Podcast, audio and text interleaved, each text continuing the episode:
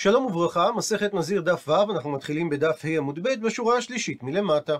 וראשית נזכר בדברי המשנה בדף ה' עמוד א', שאמרה המשנה סתם נזירות 30 יום, ועל כך יש מחלוקת המוראים. רב מתנה אמר שהמקור לכך זה הפסוק קדוש יהיה, כאשר המילה יהיה בגימטריה שווה 30, ובר קפרא לעומת זאת אמר שהמקור לכך הוא כנגד כמות הפעמים שנזיר נזרו מוזכרים בתורה בפרשת נזיר, כמות של 29 פעמים. כך שיש מחלוקת עקרונית בין רב מתנה לבר פדה, האם נזירות סתם מדאורייתא היא 30 יום או 29 ימים. בהמשך הביאה הגמרא את המשנה בדף ט"ז, כאשר בסיפא של המשנה נאמר שנזיר מגלח ביום השלושים, כאשר לפי רב מתנה מדובר על דין דיעבד, כי מקצת היום ככולו, ולפי בר פדה מדובר על דין לכתחילה. ולא ניתן היה לגלח לפי בר פדה ביום ה-29, כי הוא אומר שמקצת היום לאו ככולו. ומה שאמרה שם המשנה ברישא, שנזיר מגלח ביום ה-31, לפי רב מתנה זה לכתחילה, כי זה אחרי השלמת ימי הנזירות, ולפי בר פדה זה דין מגזירת חכמים. אגב, אדם שאמר, הרי אני נזיר לשלושים יום שלמין. ושואלת הגמרא, אתנן, הרי שנינו מהמשנה בדף ט"ז, מי שנזר שתי נזירות, הוא מגלח את הראשונה יום 31, והשנייה הוא מגלח ליום 61. עד לכאן הציטוט מהמשנה, ומקשה הגמרא, בישלמה לרב מתנה ניחא. הפכנו דף, אלא לבר פדה קשיא. ומסביר התוספות, נוח לנו להבין לפי שיטת רב מתנה, שכאשר הוא יגלח על הנזירות הראשונה שהוא קיבל, זה יהיה ביום ה-31, שאז נגמר הנזירות, ומיד מתחילה הנזירות השנייה בו ביום. בדיוק כמו אדם שהיה מקבל עליו נזירות בחצי היום, שעולה לו אותו יום ליום שלם. כך שלפי רב מתנה, ביום השישים קלטה גם הנזירות השנייה, ולכן ביום השישים ואחת הוא מגלח על הנזירות השנייה. נמצא שכל תגלחת מתבצעת לפי רב מתנה ביום השלושים ואחת. 30 יום ראשונים נזירות א', ביום ה-31 הוא גם מגלח עבור הנזירות הראשונה, וגם מתחיל למנות את הנזירות השנייה, שמסתיימת ביום ה-60, וממילא הוא מגלח ביום ה-31. אלא לבר פדה קשה מהרישא של המשנה, שאמרה המשנה שהוא מגלח על הראשונה ביום 31, ועל הנזירות השנייה הוא מגלח ביום 61. והרי לפי בר פדה נזירות היא 29 ימים, מה שאומר שהוא היה צריך לגלח ביום ה-30, ובו ביום להתחיל את הנזירות השנייה, שהיא הייתה מסתיימת ביום ה-58, והוא היה צריך לגלח ביום 59, שזה יום ה-30 לנזירות השנייה. ומקשה התוספות שלכאורה, השאלה הזו היא חזרה על השאלה הקודמת.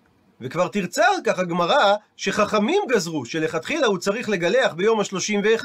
ואם כן, מדוע חוזרת הגמרא על אותה שאלה? ועונה על כך התוספות, שכן דרך הש"ס להקשות כן קושייה ראשונה ולתרצו כן תירוץ ראשון, ובלבד שישמיענו קצת חידוש מה שלא שמענו בתשובה הראשונה. וגם בשאלה והתשובה הנוכחית יש קצת חידוש בסיפא לבר פדה, שלא היה בשאלה מהרישא של המשנה. כפי שנראה בהמשך הגמרא, שאומנם בר פדה אומר שאין מקצת היום ככולו, אבל כאשר מדובר בתחילת הנזירות, אז כן אומרים מקצת היום ככולו, כי זה כמו אדם שמקבל עליו נזירות בחצי היום. הוא מעיר על כך התוספות, שצריך לומר שכבר בשלב השאלה, ידעה הגמרא שיהיה חידוש בדבר. אמר לך, עונה בר פדה, אימה סיפה, אבל תאמר, לפי מה שכתוב בסוף המשנה, ואם גילח את הראשונה ליום שלושים, מגלח את השנייה ליום שישים. ומלשון המשנה משמע, שאם הוא גילח את הראשונה בדיעבד ביום השלושים, הוא מגלח את השנייה לכתחילה ליום שישים. זאת אומרת, שסוף יום השלושים כבר עולה לו למניין הנזירות השני, ומקצת יום חשיב כיום שלם. ואת החידוש הזה לא למדנו מהרישא של המשנה. דאדרבה, ראינו הרי שבר פדה סובר שאנחנו לא אומרים מקצת היום ככולו בסוף נזירות, אלא שבמקרה של נזירות שנייה אחרי נזירות ראשונה, אנחנו מתייחסים אל האדם כאדם המקבל נזירות בחצי היום. שזה דין פשוט אצל אדם שלא היה עסוק בנזירות תחילה, דהיינו נזירות קודמת, ואז היה ניכר לכל שהוא קיבל על עצמו דנר דזירות. אבל עכשיו, שמדובר על נזירות שנייה אחרי נזירות שנייה, היינו חושבים לומר שהנזירות השנייה לא תתחיל מהיום שהנזירות הראשונה נגמרה, שהרי היא אינה ניכרת בפני עצמה, ולכן באה המשנה לחדש לנו שיום השלושים עולה לנזירות גם לסיום הנזירות הראשונה וגם לתחילת הנזירות השנייה. אלא בהכרח, אומר בר פדה, סיפא מסייע לי. שהרי ניתן לגלח ביום השלושים על הנזירות הראשונה, וממילא צריך להעמיד את הרישא של המשנה, נעשה כאומר שלמים. זאת אומרת שמהסיפא של המשנה ניתן להוכיח כשיטת בר פדה, שהרי המשנה אמרה שאם הוא גילח את הראשונה ליום 30, זאת אומרת שסתם נזירות היא 29 יום, ובר פדה סובר שמקצת היום לאו ככולו, ולכן הגילוח הוא ביום השלושים. ואמרה המשנה שהוא מגלח לכתחילה את השנייה ליום 60, שאומנם סתם נזירות היא 29 יום, אבל חכמים החמירו על מי שאומר הריני נזיר בסתם, שזה כאילו הוא אמר הריני נזיר 30 יום שלמים. ולכן הוא יגלח רק ביום השישים, שהוא יום השלושים ואחת לנזירות השנייה. בדיוק כפי שהסביר בר פדה את הרישא של המשנה, שאמרה שהנזיר מגלח את הנזירות הראשונה ביום השלושים ואחת, ואת הנזירות השנייה ביום השישים ואחת.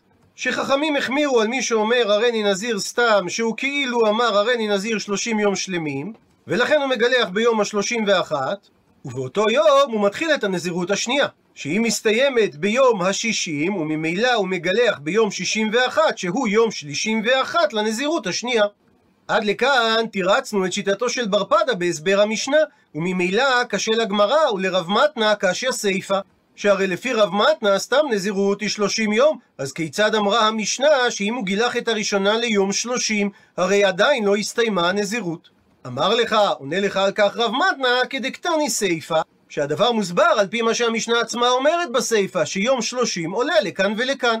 הוא מסביר התוספות, שאם הוא גילח עבור הנזירות הראשונה ליום השלושים, אז הוא יצא ידי חובה, משום דמקצת היום ככולו לפי רב מתנה, ולכן יום השלושים עולה לו מקצתו לנזירות ראשונה. אבל לכתחילה צריך 31 יום, שהרי משך הנזירות זה 30 יום, כפי שתרצה הגמרא בהתחלה. ומה שאמרה המשנה שהוא מגלח את השנייה לכתחילה ליום 60, זה משום שסוף יום 30 עולה להתחלת הנזירות השנייה. בדיוק כמו אדם שמקבל נזירות בחצי היום. כך שנמצא שיום השלושים הוא מהווה את התחלת הנזירות השנייה, ולכן הוא יכול לגלח את הנזירות השנייה לכתחילה ליום שישי. זאת אומרת, הנזירות הראשונה היא שלושים יום. הגילוח בדיעבד הוא ביום השלושים, מפני שמקצת היום ככולו. ויום השלושים עולה לכאן ולכאן, זאת אומרת שהוא יכול להתחיל מיידית לספור את הנזירות השנייה. שהיא מסתיימת לכתחילה ביום החמישים ותשע, והוא מגלח ביום השישים, שזה יום השלושים ואחת לנזירות השנייה. אבל שואלת הגמרא על תשובתו של רב מתנה, מהי? על פי מה הסברת את המשנה? על פי הכלל שמקצת היום ככולו, האמרה חדא זימנה.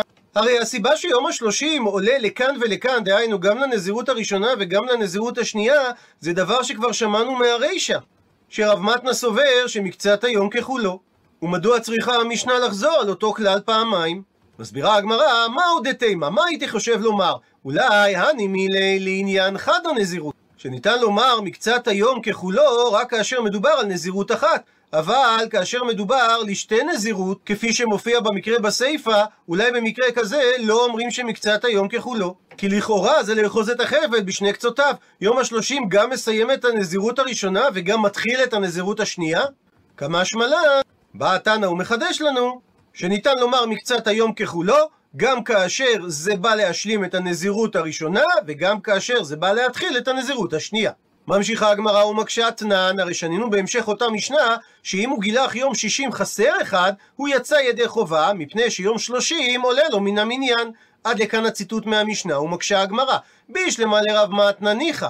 נוח לי להבין מדוע התנא היה צריך להשמיע ולומר שיום השלושים עולה לכאן ולכאן, שהרי תגלחת ראשונה הייתה ביום השלושים, וכך גם התגלחת השנייה שהייתה ביום שישים חסר אחד, מסביר לך התנא שגם היא בעצם ביום השלושים לנזירות השנייה, מפני שיום השלושים עולה מן המניין. כלומר, שהוא עולה גם לסוף הנזירות הראשונה, וגם לתחילת הנזירות השנייה. ולולא ההסבר הזה לא היה מובן לפי דברי רב מתנה, שהגילוח ביום החמישים ותשע הוא בעצם גילוח ביום השלושים לנזירות השנייה.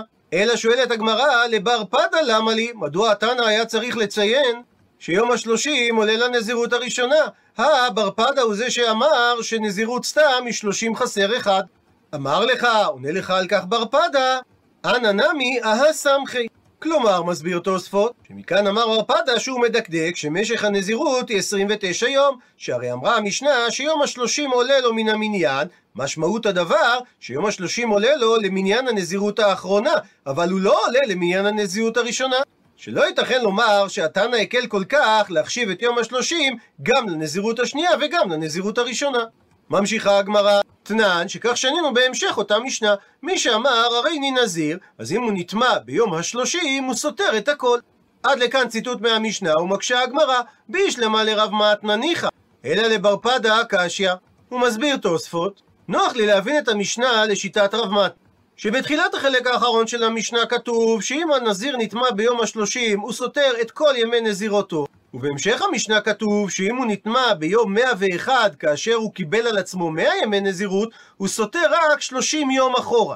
וזה למרות שכבר נשלם נדרו מפני שבשונה מהמקרה הקודם שהיה מדין תורה יום המאה ואחת זה רק גזירה דה רבנן שהרי כבר נשלמה נזירותו וזה יום הבאת קורבנותיו.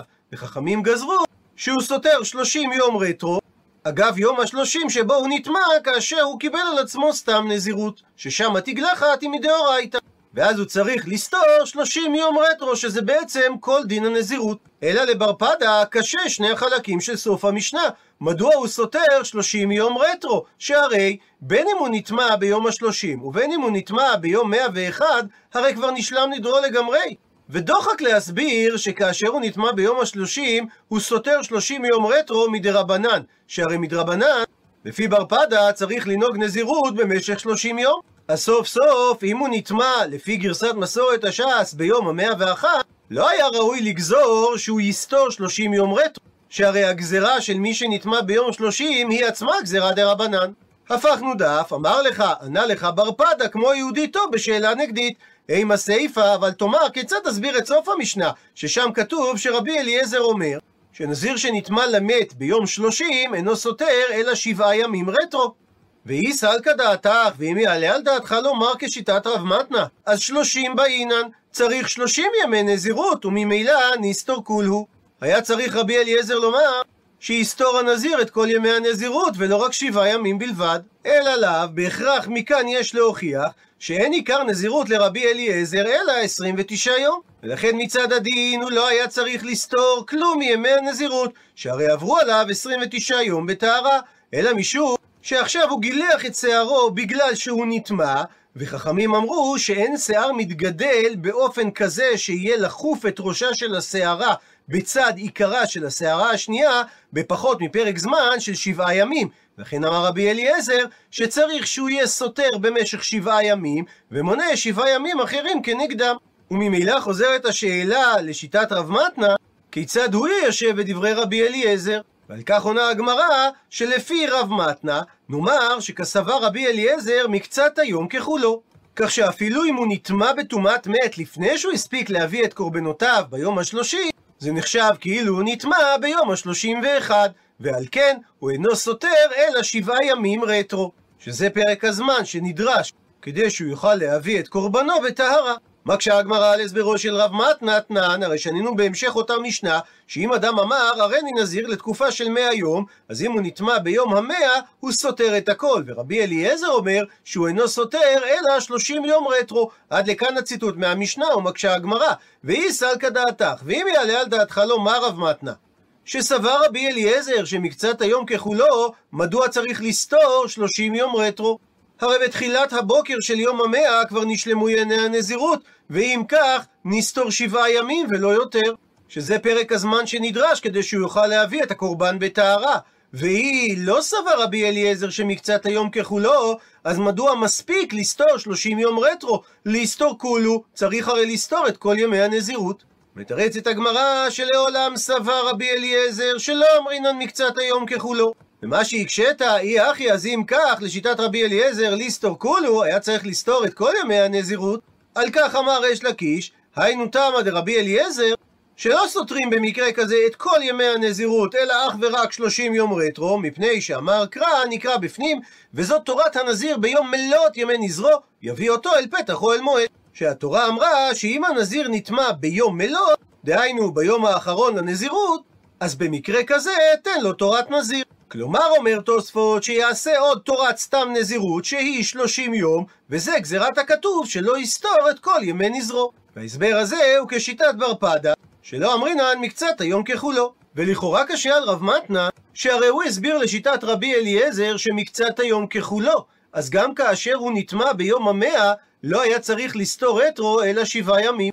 מסביר התוספות בשם הריף, שתירוצו של ריש לקיש הוא גם לבר פדה וגם לשיטת רב מתנה, שכאשר הנזיר נטמע ביום מלות, יש גזירת הכתוב שהוא צריך לסתור 30 יום רטרו. ושואלת הגמרא, לימה כתנאי, האם ייתכן לומר שבר פדה ורב מתנה האמוראים נחלקו במחלוקת שנחלקו בה כבר האמוראים? שכתוב בתורה כל ימי נדר נזרות, תער לא יעבור על ראשו עד מלות הימים אשר יזיר לאדוני, קדוש יהיה, גדל פרע שיער ראשו. ושואלת הברייתא, לכאורה שומעני כאן מיעוט ימים שניים, שסתם נזירות היא רק יומיים. תלמוד לומר, הסמיכות בלשון הפסוק, קדוש יהיה, גדל פרע, שאין גידול שיער פחות משלושים יום, כמניין הגימטריה של יהיה.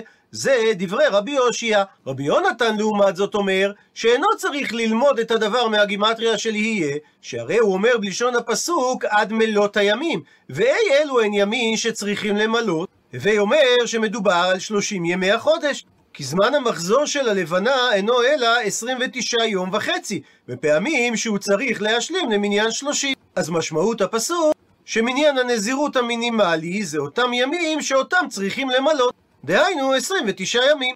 עד לכאן לשון הברייתא, ושואלת הגמרא, מה אליו, האם לא נאמר שרב מתנה הוא דאמר כרבי יושיע, שדורשים את הגימטריה של יהיה, שפרק הזמן המינימלי לנזירות זה 30 יום, ובר פדה הוא דאמר כרבי יונתן, שפרק הזמן המינימלי של נזירות זה 29 ימים.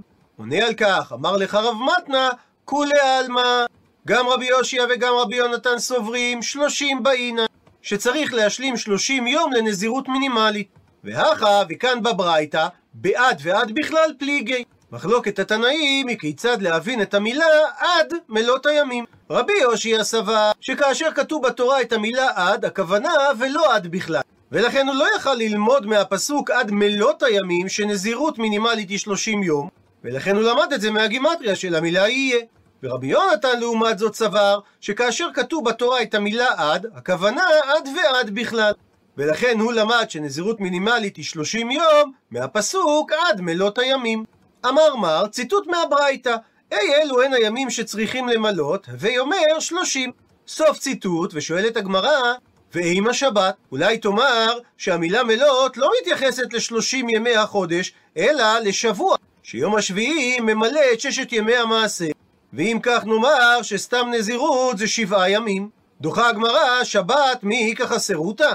לא מסתבר לומר שלשון הפסוק עד מלות הימים מתייחס לימי השבוע, שהרי כל ימי השבועות הם שלמים והשבת לא באה למלות את חסרונם.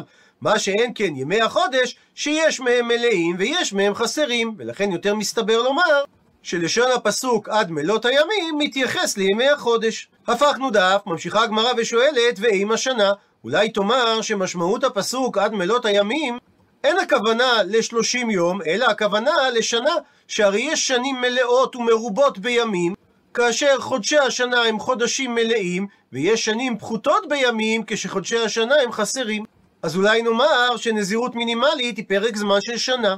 דוחה הגמרא שלשון הפסוק עד מלות הימים מתאימה דווקא לימי החודש שאותם מונים ביחידות של ימים. ולא לימי השנה, שהרי מי מנינן שנים ליומי, והא רבנן דקיסריה אמרי. חכמי קיסריה אמרו, מניין שאין מונים ימים לשנים, שנאמר, נקרא בפנים, החודש הזה לכם ראש חודשים, ראשון הוא לכם לחודשי השנה. ומלשון הפסוק לחודשי השנה משמע שחודשים הם היחידות שבהן מחשבים לשנים, ולא משתמשים ביחידות של ימים לשנים. ולכן בהכרח שכוונת הפסוק עד מלות הימים לימי החודש ולא לימי השנה. עד לכאן דף ו'.